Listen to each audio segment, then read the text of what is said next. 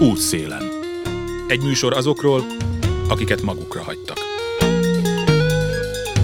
Jó napot kívánok, Józsa Márta vagyok. A választások eredményén is tűnődve felfelbukkan, hogy miért nem hallatszik azoknak a hangja, akik nem törődtek bele a bornírt jelenbe, és valóban tenni is szeretnének valamit. Gyerekkorunk olvasmányaiból biztosan ismerősök a vasárnapi iskolákban és asszonykörökbe jótékonykodók alakjai, de példa lehet a pár utcai fiúk egymás mellett kiálló kis csoportja is. A polgárosodás ismérve, amikor az emberek képesek és hajlandók valamit nem csak önmagukért, hanem a közösségért is tenni. Márpedig az ország feudális beágyazottságát, hatalomhoz való törleszkedését látva mindennél jobban meg kell becsülnünk azokat a közösségeket, amelyek sora jobbá teheti valamennyiük életét. Figyeljük azt a gyászmunkát, amelyet most azok a tízezrek végeznek, akik például a nyomtas te is mozgalomban vagy a szavazókörökben dolgoztak éjt-nappá téve. Az itt szerzett tudás és energia azonban nem vészel.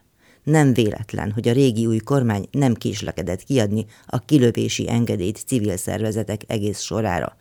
Például, hogy azonnal büntetés rotta ki azokra a szervezetekre, amelyek az embertelen népszavazás érvényessége ellen kampányoltak. Mert ezek elegánsan győzni sem tudnak, muszáj valakibe beletaposniuk. És azért nem véletlen, mert félnek ahogy a klubrádiótól is, és van is félnivalójuk, hogy őket idézzem, a jövő elkezdődött mert igaz, hogy semmi úra nem számíthatnak ezentúl, sem az ötleteiket megvalósítani vágyók, az elesettek fele fordulók, de még az autonómiájukat féltő művészek sem. És igaz az is, hogy ott tette meg a fene azt a világot, ahol aránytalanul nagy bátorság kell csupán csak ahhoz, hogy az ember normálisan viselkedjen, szabadon gondolkodjon és cselekedjen. De a közös célokhoz közös bátorság kell, ami erősebb tud lenni az egyéninél. Gondoljunk ma erre. Útszélen. A Budapest Peremén rehabilitációs otthon Erdőhegyi Márta fejéből pattant ki. Amikor 2020 őszén elindult a Budapest részvételi költségvetés pályázata, erre lehetett ötleteket beküldeni azzal az ígérettel, hogy a főváros a közönségnek tetszőket meg is valósítja. Egy önellátó gazdálkodással működő rehabilitációs otthonnak a tervéről van szó, amely egyszerre szeretne segítséget nyújtani a rászoruló embernek, állatnak, növénynek és magának a földnek. 1874 ember szavazott úgy, hogy ez nekik tetszik, szívesen venni, ha az adójából erre jutna pénz. 2021. augusztusában kihirdették a szavazás eredményét. Később a fővárosi önkormányzat tartott egy konzultációt, idén márciusban egy újabbat. Az ott tárgyalt terv alig hasonlított az eredetire, amelyre szavaztak az emberek. Nyilván van azonban egy ötletfejlesztési fázis is. Ugyanakkor az is látszik, hogy minimum két évnek kell eltelnie ahhoz, hogy a tervet legalább el tudják kezdeni megvalósítani. Erdőhegyi Márta addig is hasonló munkát végez önkéntesként, az a város mindenkié csoportban, az önkénteskedésből pedig végül hivatás is lesz. Miért választotta ezt a szakot egyébként? A szociális munkaszakot azért választottam, mert szerettem volna segítő szakmát tanulni, és és már régóta terveztem ezt. Mióta a város mindenkinél önkénteskedtem, így jött nekem ez az elhatározás, és most így belekezdtem, és most vagyok a második fél évben. A Budapest Peremén Rehabilitációs Otthon projekt, ez hogy adódott, hogy találkozott vele, hogy találták ki, szóval szeretném, hogyha elmesélni, így átolt szedték, hogy mi volt a kiinduló gondolata személyesen, illetve hogy kikkel beszélgetett erről, hogy hogyan alakult ez ki. Nekem ez egy gyermekkori álom volt, hogy szerettem volna, hogyha kóborkutyáknak és macskáknak lenne otthona, ahol biztonságban lehetnek és el vannak látva. És aztán ez egy időre feledésbe merült, és éltem az életem, aztán 2013-ban kezdtem el önkénteskedni a Város Mindenki csoportnál, mert szerettem volna segíteni azoknak az embereknek, akiknek nincsen otthonuk, de szeretnék, hogy legyen. És ahogy folytattam ezt a tevékenységet, akkor jött elő bennem újra ez az ötlet, hogy igen, milyen jó lenne, hogyha vannak ezek a kóborállatok, és ezeknek az állatoknak mondjuk az ellátását hajléktalan emberek látnák el, adnának enni, inni, tisztán tartani, és otthont cserébe lenne otthonuk, ahol lehetnek, és kapnának érte fizetést, hogy dolgoznak, illetve élelmiszert, élelmet. Ez egy ilyen win-win helyzet, hogy mind az elkoborolt állatok, mind azok, akiknek nincsen otthonuk, mind pedig azok, akiket az elkoborolt állatok, illetve az otthontalan embereknek a sorsa agaszt, valamennyien jól járnának ebben a történetben, hogyha jól értem.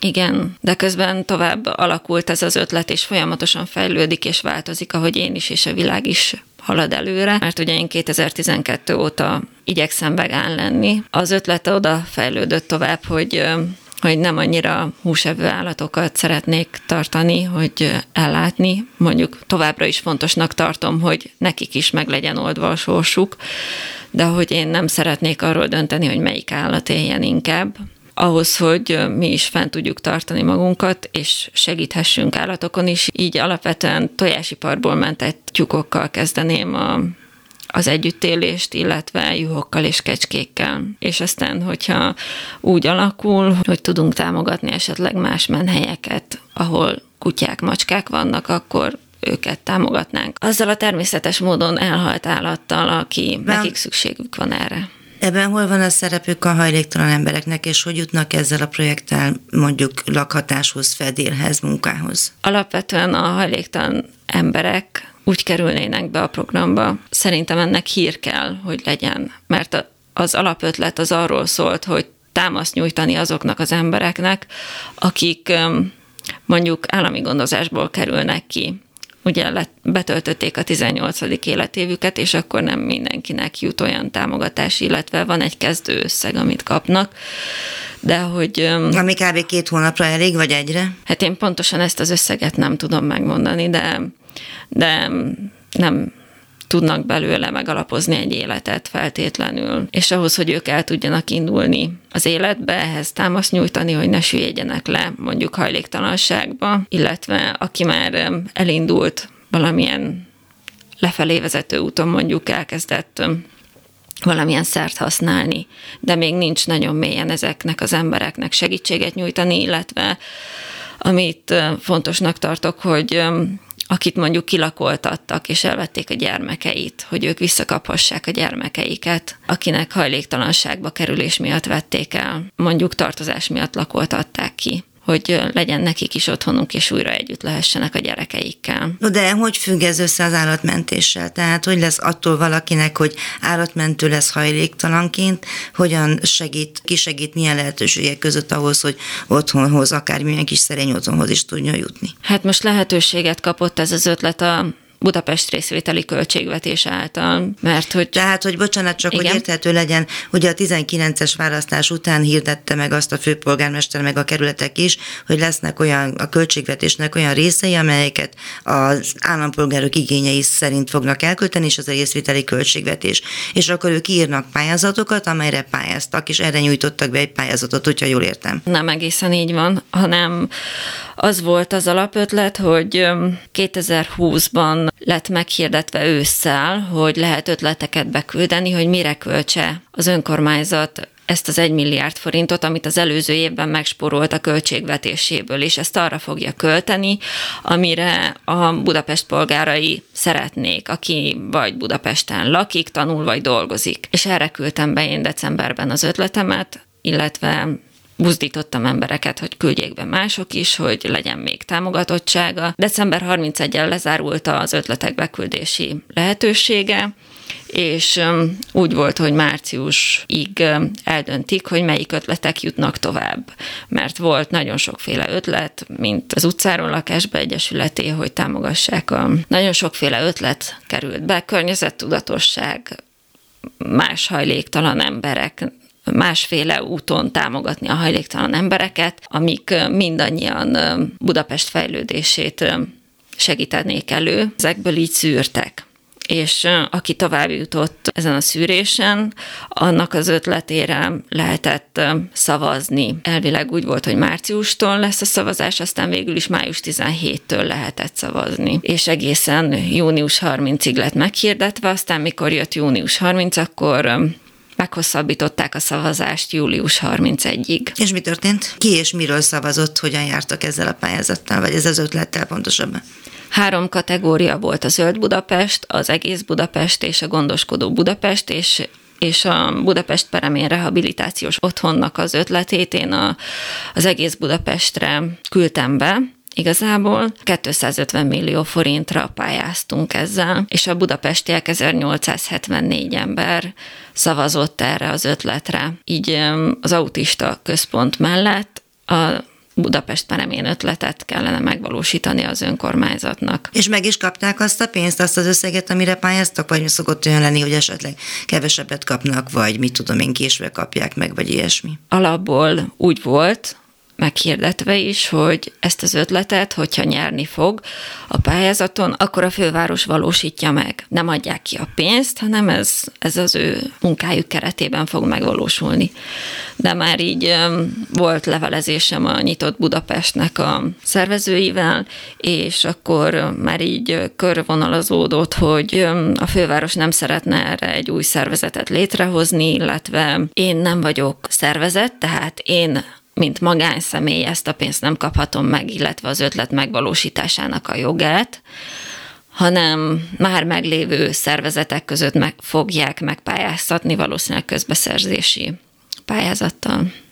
Melyek ezek a már meglevő szervezetek, és hol tart ennek a megvalósítása, már mint a megpályáztatása? Tavaly augusztusban lett kihirdetve a szavazásnak az eredménye, hogy nyert az ötlet, akkor októberben volt egy nyílt konzultáció, és aztán próbáltam informálódni, hogy hol tart ennek a megvalósítása, mikor lesz ebből valami. Végül is most azt hiszem két hete volt a következő konzultáció, amikor online megbeszélés keretén belül tájékoztattak arról, hogy kész van egy pályázati felhívás, amiben viszont nagyon sok feltétel egészen más, mint az én eredeti ötletem lett volna. Alapvetően a célközönség is más terület, mert hogy, vagy hát nem teljesen, de tartós hajléktalanságban élő személyeknek lenne meghirdetve, ami azt jelenti, hogy minimum egy éve hajléktalannak kell lennie, illetve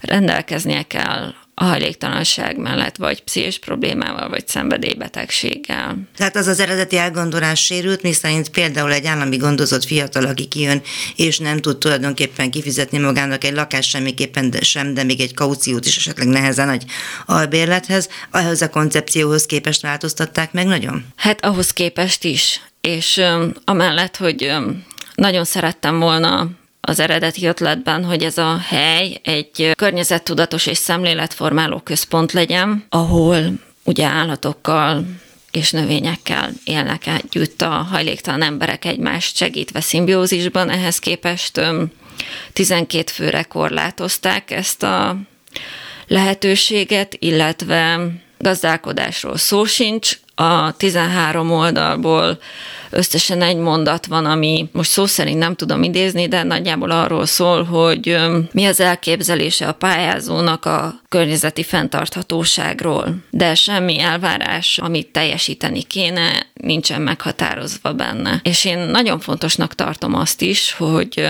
ez a fajta támogatott lakhatás, amit terveznek ebben a pályázati felhívásban, ezeknek az embereknek, ami, ami ugye ki lett emelve, hogy azok az emberek, akiknek már máshol nem tudnak segítséget nyújtani, mert olyan halmozottan problémás az életük, hogy, hogy nem tudnak vele nagyon sok helyen már mit kezdeni. Nagyon fontosnak tartom azt is, hogy ilyen hely is létesüljön.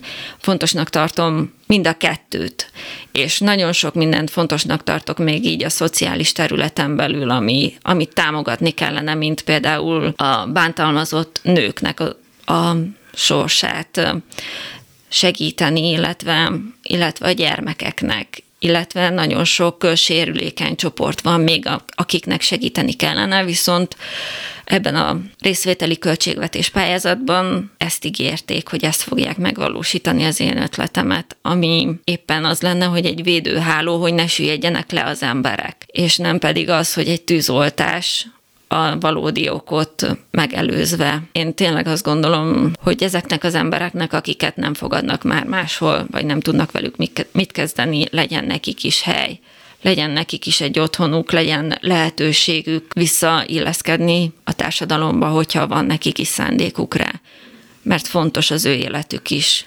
Fontos az ő életük is, és azoknak az embereknek az élete is, akik még nem süllyedtek mélyebbre, és még meg lehetne állítani. Pont azért, hogy ne tűzoltás legyen hanem megelőzés mondjuk. Világos, és egyébként hogy néz neki ez a helyszín? Tehát, hogyha álmodik róla, akkor milyennek képzeli egy új építésű ház, vagy pedig egy tanya, ahol az emberek együtt laknak, vagy külön kis házikóik vannak, ahol laknak, hogy kerülnek oda az állatok, és milyen hatása volna az állatoknak, és az embereknek milyen kölcsönhatások volna. Gondolom nyilván a, a, az állat az egy fajta ilyen gondoskodandó lényként is szerepelne ebbe a projektbe, tehát az az ember, aki magányosnak érzi magát, azt úgy talál valakit, valamit, amiről gondoskodjék. Alapvetően az elképzelésem az épületekről minimum két három épületnek kellene lennie. Az egyik az lehet egy régebbi parasztház akár, mondjuk valahol Budapest perem kerületén, ami nagyon fontos, hogy elérhető legyen még BKV-val. Szóval egy parasztház mondjuk,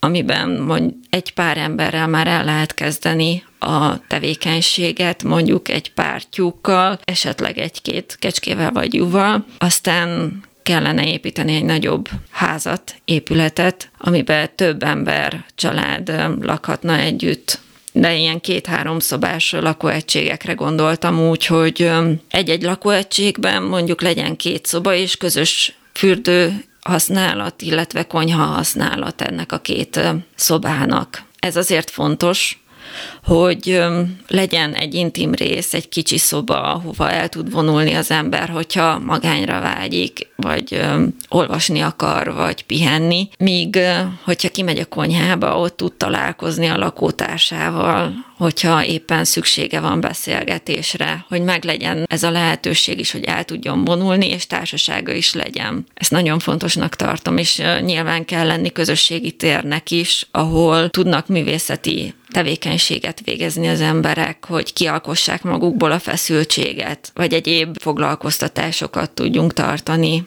amik építő jellegűek tudnak És lenni. miből lenne fenntartható ez az egész helyszín? Hát alapvetően arra gondoltam, hogy van olyan lakos, aki nálunk dolgozik, és van olyan, aki ezen a területen kívül, és aki kint dolgozik, neki is biztosítva van a lakhatása, és az élelmet is megkapja, ami jár neki. Cserében ő viszont valamennyi százalékot mondjuk lead a fizetéséből, de ez is maximálva lenne, hogy egyenlőség legyen, illetve ő se érezze magát kihasználva, és maradjon neki pénze, illetve aki nálunk dolgozik, az pedig kapjon valamennyi juttatást a munkájáért, aki foglalkozik az állatokkal, illetve a növényekkel, hogy miből tartanánk fenn még magunkat. Biztos, hogy valamennyire szükségünk van támogatásra, de abból a a terményből, amit mi megtermelünk és kigazdálkodunk magunknak, a saját magunk élelmezését megoldjuk, illetve valószínűleg másnak is fogunk tudni adni, mert mondjuk az a tapasztalatom, hogyha valami elkezd beérni, abból hirtelen nagyon sok lesz, és akkor más embereknek is lehet belőle adni. Az általunk készített művészeti alkotásokat is lehetne esetleg adományozni, vagy adományokért odaadnánk valakiknek, vagy ilyenekre tudok gondolni, illetve nyitott vagyok még sok mindenre. Azt gondolom, hogy nem feltétlenül mindent egyedül nekem kell kitalálni, hanem hogyha van egy közösség, akkor abból tudunk ötletelni, illetve továbbfejleszteni ezeket a dolgokat, hogy mit tudunk még csinálni. De egyelőre nyilván van szükség egyéb külső támogatásra is az elinduláshoz, mondjuk ahhoz, hogy épüljön még egy épület, illetve hogy legyen maga a terület, ahol lehetünk egy olyan tíz emberrel, illetve állatokkal. És nyilván ez volt az eredeti ötletben, hogy látja, hogy az, amit a részvételi költségvetés kapcsán kitalált és benyújtott, az mennyi százalékban tud megvalósulni, és mennyiben nem tud megvalósulni. Azt már beszéltük, hogy nem egészen ugyanazt a célcsoportot akarták. Eredetileg hány főre tervezték, mert hogy ez most elvileg 12-re lehetne. Igen, ez 12 embernek lenne valamilyen támogatott lakhatásszerűség, az eredeti ötletbe pedig olyan 50 ember lenne körülbelül. Bár persze, hogyha 12-vel el tud indulni, és látszik rajta, hogy életképes a modell, akkor azt még biztosan lehet fejleszteni. Igen, de az más, hogyha az van, amit én elterveztem, hogy van egy ház, amiben oda tudunk menni páran, és el tudjuk már kezdeni a gazdálkodást, ami elvárás az önfenntartáshoz, meg az más, hogy csak egy támogatott lakhatás, amiben nincsenek ilyen elvárások. Világos. Azon legyen. kívül, hogy nekem ezt most így elmondja, azon kívül a fővároshoz próbálta fordulni, próbálta meggyőzni őket, hogy volt-e terre arra, hogy meggyőzze őket, hogy nem egészen erre pályázott, és hogy több értelme volna, vagy hát szívéhez közelebb álló dolog, és arra szavaztak a fővárosiak is, amit ön talált kéretileg. Én az online megbeszélésen jeleztem, hogy nekem ezzel problémám van, elmondtam ezeket a dolgokat, amiket most itt önnek is, illetve a Facebookon szoktam jelezni az emberek felé, hogy éppen mi a helyzet. Volt, hogy felhívást intéztem emberek felé, hogy írják be ők is, hogy kíváncsiak, hogy hol tartanak a megvalósítással, mert most már eltelt majdnem egy év, és még így nincsen eredmény. Ez azért fontos igazából, mert lehet, hogy így hivatali ügyintézésbe egy év az nem jelent sokat, viszont azoknak az embereknek, akik mondjuk utcán élnek, vagy szállón, vagy távol a gyerekeiktől, azoknak az életet jelentheti egy év. Szóval azért ez nem mindegy egy ilyen helyzetben szerintem. És harcol. Én igyekszem képviselni ezeket az értékeket, amiket én annak tartok, hogy legyen az embereknek otthona. Igyekezzünk környezettudatosak lenni, illetve szelektíven gyűjtsük a hulladékot, illetve állatbarátak legyünk. Igyekszem ezek mellett kiállni. De bízik benne, hogy sikerül? Bízom benne. Bízom benne, azért vagyok itt is, mert örülnék, hogyha sikerülne meggyőzni az önkormányzatot, hogy azt is teljesítsék, amire szavaztak az emberek. Én támogatom, küldjék be ők is az ötleteiket, és én szavazni fogok rá, komolyan. De valósítsák meg azt is, ami, amit ígértek. Hiszen ezért részvételi költségvetés. Igen, hogyha részvételi költségvetés, akkor fontosnak tartom azt is, hogy vehessenek részt az emberek a megvalósításban. Aki úgy gondolja, hogy, hogy a saját ötletében szeretne részt venni, vagy mások is akár, azoknak legyen lehetősége az önkormányzatok által nyújtott részvételi költségvetésben részt venni. De alapvetően azt szeretném, hogyha én nem is vehetek részt, de tartsa be az önkormányzat az ígéretét, és valóban valósítsa meg azt az ötletet, amire szavaztak az emberek, illetve igen. Vegyék komolyan a saját pályázatukat, igen. Igen. Erdőhegyi Mártát hallották a Budapest Peremén rehabilitációs otthon ötletgazdáját, aki azt szeretné, ha a budapesti önkormányzat minél hamarabb meg is valósítaná, amit ígért, a közösség által megszavazott terv megvalósítását. Tartsanak velem a műsor második felében is, amikor Lakatos Andrással beszélgetek. Ő is a Város Mindenkié csoport aktivistája, és több mint 30 éve hajléktalan. Azaz most már csak volt. A hírek után. Útszélen. Józsa Márta vagyok, Lakatos Andrással beszélgetek. Ő egyik azoknak, aki saját bőrén érzi, hogy mit is jelent a hajléktalanság. Teljes erőbedobással támogatja Erdőhegyi Márta imént hallott tervét, a Budapest Peremén rehabilitációs otthon létrejöttét. Ő is a Város Mindenki csoport aktivistája, és számos szakmája mellett ő is elvégzett egy szociális segítői képzést. Ezer ötlete van arra, hogy mi mindent lehetne tenni annak érdekében, hogy lehetőleg senki se kényszerüljön az utcán élni, főleg évtizedekig nem. Készült egy terv, ami egy Budapest Perepén rehabilitációs otthonról szólna. Mit tud erről, mennyire vett részt benne, mi ez? Kicsit az AVM-ről beszélgetnénk. Az AVM 2009. szeptember 21-én alakult. Ez a Város Mindenki csoport, mert nem mindenki érti a rövidítést, igen. csoport, igen, hat önkéntes jött el Amerikából, és a cél az volt, hogy ugye Magyarországon ez a Home as the Pitcher, ugye az amerikai hajléktalanság ott is van, minden országban van hajléktalanság kérdése, és a Kürt utca 4-be, ahol a fedél nélküli szerkesztősége van, illetve hajléktalan emberek tudnak ügyeket intézni szociális munkások segítségével. Megalakult tulajdonképpen az AVM, akinek az alapító tagjai Fekete Nagy Miklós, Udorhelyi Éva Tessa, Misetics Bálint, Balog Gyula, tulajdonképpen volt egy alakuló ülés, ahol meghatározták az irányvonalakat és a szabályokat. Beszéljünk mind a kettőről, melyek az irányvonalak. Hát az irányvonalak először is AVM, tehát a lakhatás az, ami nagyon fontos, és nagyon örülünk, mert most voltunk egy ilyen megbeszélésen, hogy tulajdonképpen 25 pontot megfogalmaztunk, és abból tulajdonképpen 24-et elfogadtak lakhatási témába. Kicsodák? nagyon- Tulajdonképpen a, a Habitat, az ULE, ez az utcáról lakásba egyesület, ez is az AVM-ből nőtt ki, a közéletiskolája, a periféria Kft. és az összes olyan szervezet, akik a lakhatás témájában tulajdonképpen dominánsak. Ezt a 25 pontból 24-et elfogadták a, azok a képviselők, ugye, akik tulajdonképpen a parlamentbe fognak ülni májustól. Mármint az ellenzéki képviselőkre gondol, vagy pedig mindenkit Igen, megkerestek? Ellenzék. Hát a Fideszen kívül mindenki eljött, de hát mi a Fideszre nem vagyunk kíváncsiak, úgyhogy. Na most először tulajdonképpen munkacsoportokban dolgoztunk, volt lakhatási munkacsoport, volt érdekes munkacsoport, hát ott általában az olyan témákat dolgoztuk ki, ami hajléktalansággal kapcsolatos, tehát különböző utcai dolgok, WC kérdés, a WC kampányt azt kb. 9 éve nyomatjuk.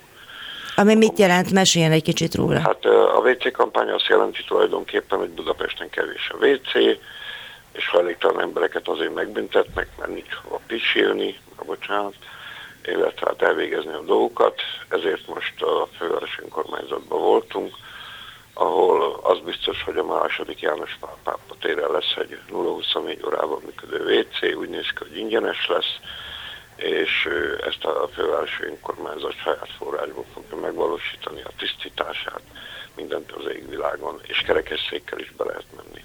Ez mikortól fog élni?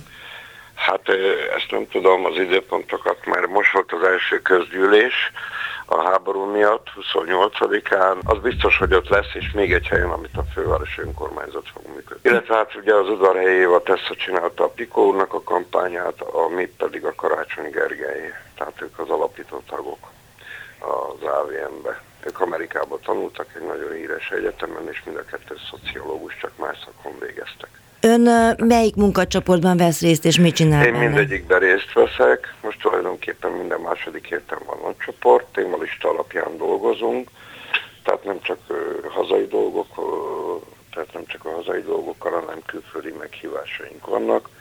Az AVM-ből készült egy film 7 év után, ami 55 perces, tulajdonképpen 7 millió forintba készült, és most körülbelül 4,5 Hát szerintem 6 millió ember látta eddig a világon. Tehát akár Európában, akár a tengeren túlon, mert nekem édesanyám Floridában van, a hajléktalanság témájában nem készült ilyen film. Nagyon tetszik mindenkinek. Ezt a AVM önkéntesek, hát nem csak önkéntesek, mert mi önkéntesekkel is dolgozunk, mikor nagyon nagy rendezvényeink vannak. Sajnos tavaly elmaradt a lakásmenet, a Covid miatt, de előtte volt egy lakásmenetünk, ami nagyon jól sikerült, ezt minden évben a lakhatási. Egyébként a nemzetközi lakhatási hálózatban is nem vagyunk, és körülbelül négy hónap múlva Brüsszelbe megyünk egy nemzetközi találkozóra. Egyébként külföldi kapcsolataink is nagyon jók, az AVM-et meghívják, fizetik az utazást és egyéb költségeket, szállás, stb és szinte minden nemzetközi konferenciára meghívnak minket, és természetesen utána mi visszahívjuk őket.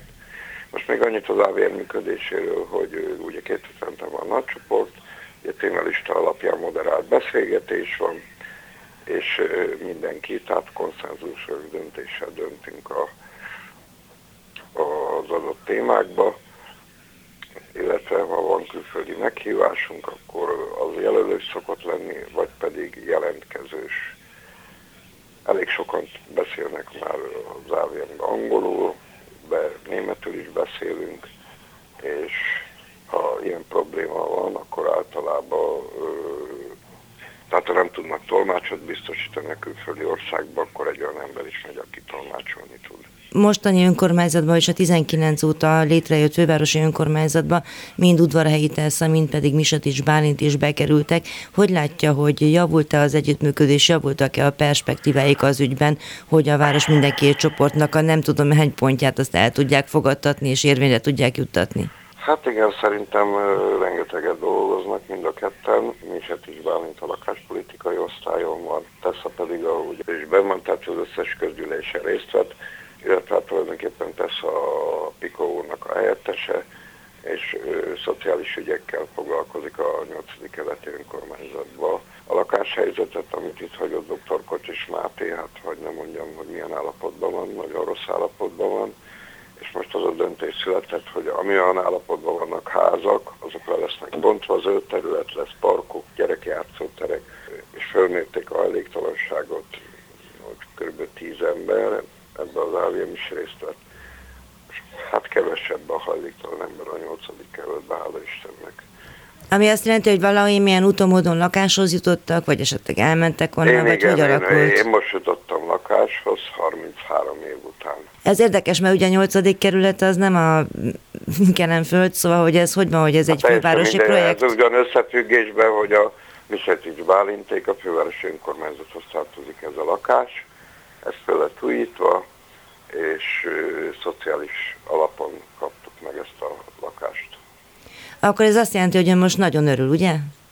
Hát természetesen örülök, hiszen 33 év után lakásból lakni egy végigjártam az egész hajléktalan ellátórendszert, úgyhogy 9 szálló laktam. Mesélj egy picit magáról, hogy hogy került ebbe a helyzetbe, és hogy sikerült azt elérnie, hát én hogy... ö, 40 év után ugye már nem találtak munkát, túlképzett voltam. Egyébként van egy szakmám, korláta a jogépészi papíromban, megvan a szociális gondozó és ápolói 54-es OK, és megvan az autószerelői, a hajós kapitányi papírom, és van egy betontechnológus talajmérnök, egy laborási papírom is. És azt mondja, hogy az ember 40 éves, akkor már nem tud ennyi papírral munkát találni? Nem. Mert idős, túlképzett, nem kell, fiatal kell, nem tudom miért. Úgy látszik az ész, nem kell, már bocsánat a kifejezését. Hát ez sajnos, itt találkoztam Tesszával, az önkormányzatnál is kivillanik ez a dolog, hogy ki dolgozik neki. Nem. Feltételezem azért dolgozott, csak éppen nem annyit és annyi pénzért is olyan rendszeresen, hogy tudjon magának lakhatást biztosítani. Igen, nekem igazából 15 év után tönkrement a házasságom, de egy saját házat hagytam ott. Úgyhogy nyilván ez is hozzájárult ehhez a hajléktalansághoz. Hogy látja, ö, hogy Igen. Visszajöttem Pestre, itt aztán nagyon nehezen boldogultam, ugye munkát kellett keresni, nagyon kevés pénzzel a zsebembe, és hát egy lányommal sajnos agydaganata van, nem műthető, nagyon nagy problémák vannak, devizaiteles a lakás, sajnos nem tudok segíteni, mert olyan kevés a nyugdíjam, hogy borzalom. Nem is beszél, hogy most milyen árak lesznek, úgyhogy. fent tudja majd tartani ezt a lakást, vagy kap-e segítséget abban, hogy fenntartsa? Hát egyébként az AVM-től mindig lehet segítséget kérni, tehát tulajdonképpen az AVM abból áll, hogy hajléktalan emberekből és középszerűen élő aktivistákból áll, akiknek a lakhatása biztosítva van, illetve egyetemisták. Ha most lakáshoz jutott és rendeződött ebből a szempontból egy kicsit az élete, akkor folytatja a munkát a város mindenki csoportban? Term- természetesen. Folytatom, hiszen nem vagyok alapítótag, egy évet kihagytam, de én akkor is megértem, mikor elvették a 22.800 forintomat, sajnos elvették, nem akartok bíróságra vinni az ügyet lehetett volna, uh, tulajdonképpen a kapedel nélküli újság terjesztéséből értem. Bécsbe jártam ki plazmát adni. Ott kaptam 25 eurót, Már úgy érti, hogy vérplazmát. vérplazmát. Hát a vérplazma az egy tulajdonképpen a- az egyik, a Covid-nak az egyik alapanyaga, mert én négy darab Pfizer-t kaptam. Hogyha már említette a Covid-ot, akkor ön szerint hogy látja, hogy mennyire viselte ez meg a hajléktalanokat, és mennyire kaptak kellő módon segítséget ahhoz, hogy a járvány ellen védekezni tudjanak? Hát én szerintem ezt minden szálló saját hatáskörébe döntött el, hogy milyen, ugye tehát hogyan korlátozza, illetve oltatja az embereket. Szerintem jól kezelték ezeket a dolgokat, tehát egy kicsit több munkával járt a szavál biztos, ugye a szociális munkásoknak, mind a felső vezetésnek, de hát ezzel nem lehet mit kezdeni, sajnos a Covid az Covid. Betámadja az embert, még ha négy osztása is van. Épp most a Vajdán is például egy ember elkapta alul, és egyszerűen négy ember megfertőződött, tehát kórházba kellett vinni. Vajda Hunyad utca 3 volt, egy idősek otthona van tulajdonképpen, és az alsó részen pedig papadosok vannak, ami azt jelenti, hogy az idősebb része az ben lehet teljes ellátással, és vannak, akik este 6-tól mennek be, de azok is kapnak étkezést, le tudnak fürödni, zuhanyozni, tiszta ruhát kapnak, és ott aludhatnak, és reggel 8 óráig kell kijönni. Szóval azt mondja, hogy újra támad a Covid ebben a közegben is? Sajnos akad, hogy ez kiviszi be, vagy ki nem. Végül is benkötelező a maszkordása, és vannak nővérek, három nővér van, aki intézi ezek a dolgokat, illetve heti egyszer a Gajdácsi doktor úr keddenként ott ügyel. Mondja András, ön ismeri el személy szerint azt a tervet, amelyet Erdőhegyi Márta elmesélt nekem. Mondjon valamit róla, hogy miért volna ez hát jó, és minek perspektívája? Itt ebbe a tervbe tulajdonképpen itt területi dologról van szó, tehát egy ilyen területet kéne szerezni, ahol ezt létre lehetne hozni, Hát tulajdonképpen arról szól ez az egész terv, hogy hajléktalan emberek saját maguk megtermelnék az étkezéshez szükséges zöldséget, gyümölcsöt, és a maradékot, tehát ami nem a saját ellátásra megy, azt tulajdonképpen piaci módon értékesítenénk, amiből a rezsiket és egyéb költségeket föl tudnánk tartani ezt az intézményt illetve hát még az nem dőlt el, mert még ott nem tartunk egyelőre, keressük azt a területet, ahol ezt létre lehetne hozni. Lehetne egy olyan ingatlan is, amit esetleg rendbe tudnánk hozni. Ebben biztos, hogy segíteni az AVM is, az ULE utcáról lakásba egyesület. Tehát ez már nem probléma, szakembereink vannak, és hát az AVM is nagyon sok lakást felújított és hajléktalan emberek laknak benne. Hogy látja, hogy ez fenntartható lenne? Tehát, hogy mondjuk Én elég... Szerintem uh, fenntartható lenne, hiszen ezek az emberek uh, ott dolgoznának, ugye rendes szociális munkások, hát mondjuk én is az vagyok, ugye vigyáznának és forgóba, tehát hogy ne legyen unalmas nekik minden nap, mással kéne foglalkozniuk, egy ilyen heti időbeosztásuk lenne, illetve napi is, hogy kinek mikor mit kell csinálni. Természetesen biztosítva a pihenőidőt, a fürdési lehetőséget, az étkezést, és minden, ami egyéb dolog és ami ezzel jár. Na jó, de persze ez szakértelemre is szükség van, nem biztos, hogy mindenki hát tud paradicsomot termeszteni, vagy kecskét fejni. Persze, tehát megfelelő szakembereket találunk, hát ugye a Márt is most az ER Egyetemre, szociális munkás lesz, Nekem is 54-es OK és szociális gondozó és ápolóim van, amit a világon mindenhol elfogadnak. Valószínűleg lesz még szakember, tehát akik mentálhigiéniával foglalkoznak, illetve akik pszichológusok. Lesz egy házi rend, amit az ott lakóknak be kell tartani. Gyakorlatilag bármilyen problémája van bárkinek, akkor lehet fordulni a szociális munkásokhoz. Hát ez lehet bármi. Hát lesznek egyéni ügyek is, mert általában minden nem hajléktalan embernek más a problémája, más a gondja, de úgy gondoljuk, hogy ezzel a programmal nagyon sok embernek a, is a lakhatását, meg kell utcán élni, a teljes ellátását, a fűtés, és ők végeznének minden olyan munkát, ami a kerttel kapcsolatos, és a saját szükségleteikkel kapcsolatos. Ennek a tervnek van egy erőteljes ilyen környezetvédő, állatvédő ökö gondolata. Hogy gondolja, hogy ez mindenki tud majd, hogy ezzel mindenki tud majd azonosulni lelkileg, intellektuálisan? Én szerintem ez nem probléma. Aki az állatokat nem szereti, az szerintem nem egy jó ember. Én állatbarát vagyok, meg a várt is szerintem.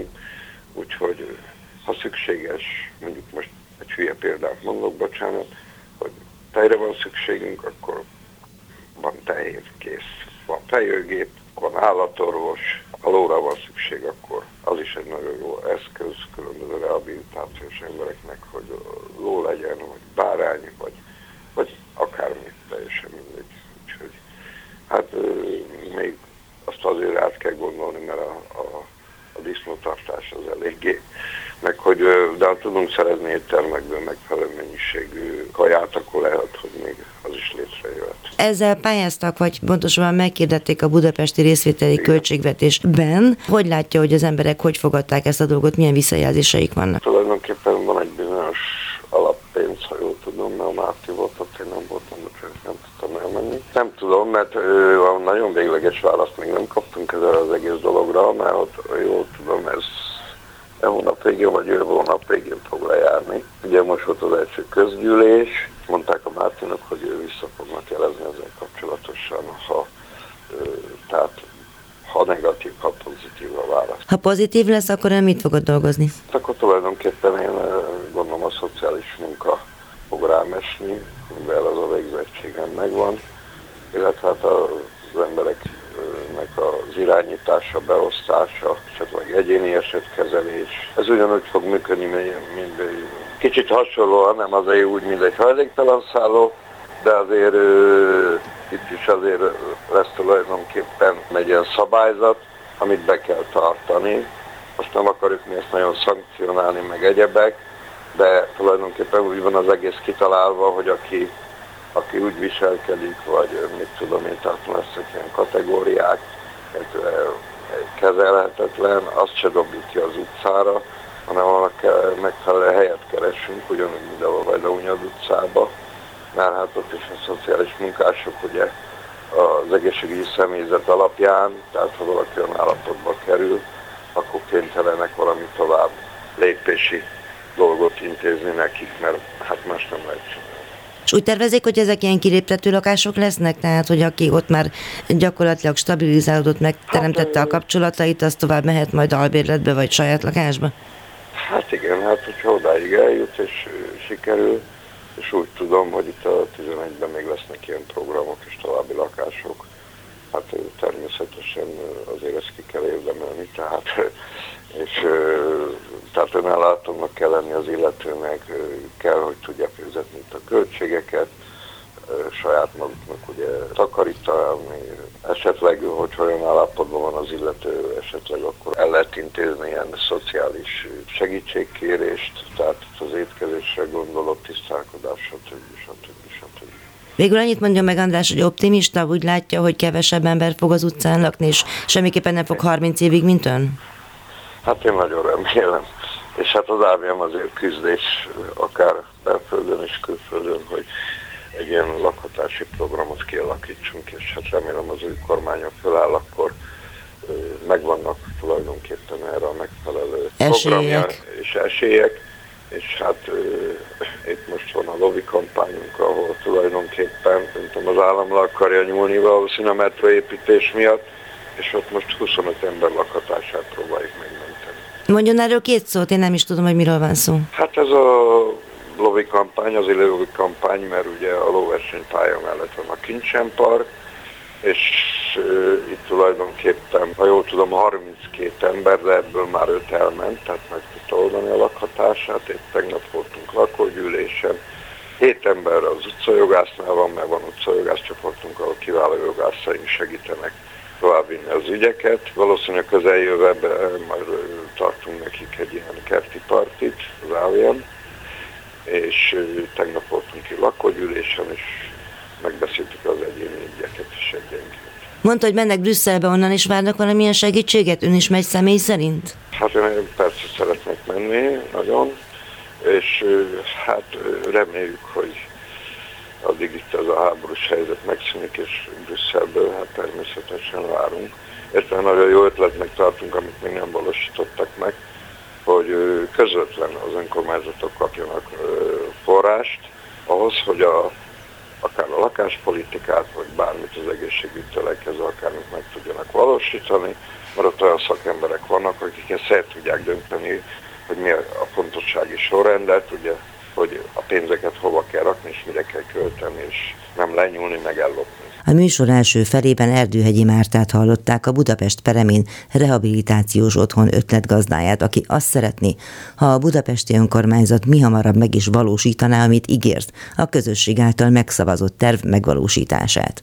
A második részben Lakatos Andrással beszélgettem, ő is a város mindenki csoport aktivistája, és több mint 30 évig élt hajléktalanként. Mindkettőjüknek köszönöm a beszélgetést. Az adás visszahallgatható a www.clubradio.hu oldalon és a podcast felületeinken.